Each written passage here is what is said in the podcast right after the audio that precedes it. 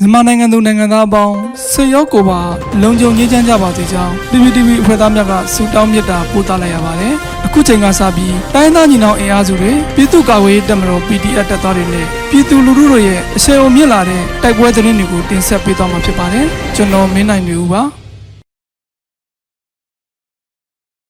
ပထမဦးစွာမလိုင်မြို့နယ်တွင်စစ်ကောင်စီတပ်ဖွဲ့ကိုနထိုးကြီး PDF ကလက်နက်ကြီးဖြင့်ပစ်ခတ်တိုက်ခိုက်မှုစစ်သား3ဦးသေဆုံးတဲ့တဲ့ရင်တင်ဆက်ပါမယ်။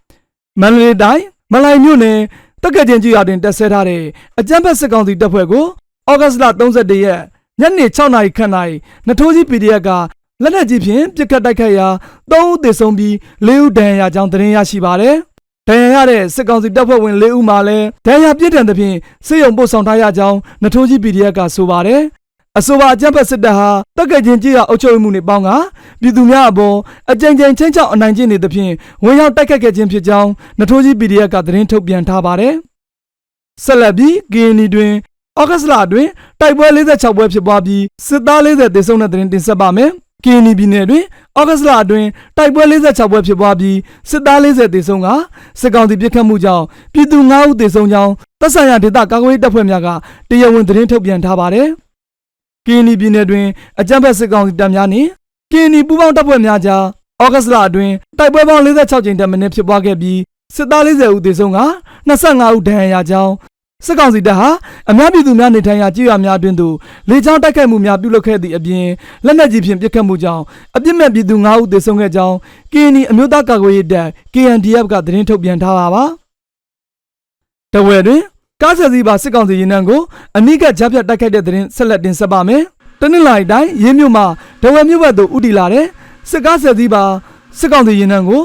ဩဂတ်စ်လ31ရက်နနက်9:30မိနစ်ခန့်တွင်ပြစ်ခတ်တိုက်ခိုက်ခဲ့ကြောင်းဒဝဲပြည်သူ့လူမျိုးရေးတပ်ဖွဲ့ TPNF ထံမှသိရပါတယ်။ကလျောင်မြို့အနီးကော့လိုင်ရွာနှင့်မယန်းချောင်းရွာကြားတွင်ပြစ်ခတ်တိုက်ခိုက်ခဲ့ပြီးဒဝဲပြည်သူ့လူမျိုးရေးတပ်ဖွဲ့ TPNF ကံပေါက်ဒေသကာကွယ်ရေးတပ်ဖွဲ့ KPDF နှင့် မဟာမိတ်တပ်ဖွဲ့တို့ကပူးပေါင်းတိုက်ခိုက်ခဲ့ကြောင်း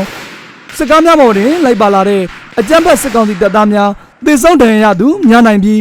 အရေးအတွက်အတိအကျကိုအတိမပြုနိုင်သေးပါဘူး။ဒဝဲပြည်သူ့လူမျိုးရေးတပ်ဖွဲ့ PPIF နှင့်မဟာမိတ်တပ်ဖွဲ့များမှ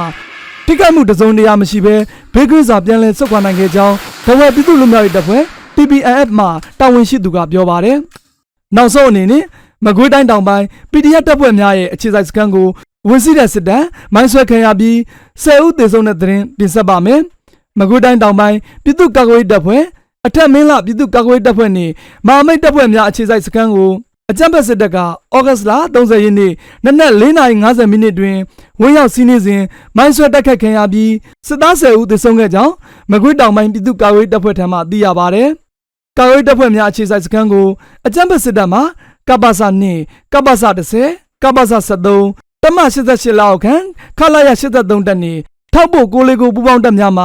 ပင်မစစ်ကြောင်းအင်အား100ပိတ်ဆို့စစ်ကြောင်း4ကြောင်းခမန်းအင်အား200ခန့်ဖြင့်ထိုးစစ်ဆင်တိုက်ခတ်ခဲ့ခြင်းဖြစ်ကြောင်းသိရပါဗျ။အကြမ်းဖက်စစ်တပ်ထိုးစစ်ဆင်တိုက်ခိုက်နေခြင်းတွင်ကာကွယ်ရေးတပ်ဖွဲ့များအနေဖြင့်ပြည်စင်ခြင်းအလုံးလောက်မရှိသောကြောင့်အလင်းငိုက်မိသည့်သဘောဖြစ်သည့်အတွက်စကတ်နှင့်လာလန်းချောင်းတချို့အားနေမိုင်းတိုက်မိုင်းများဖြင့်မိနစ်အနည်းငယ်အတွင်းတွင်မိုင်းစင်ကဆုတ်ခွာခဲ့ရကြောင်းသိရှိရပါတယ်ခင်ဗျာ။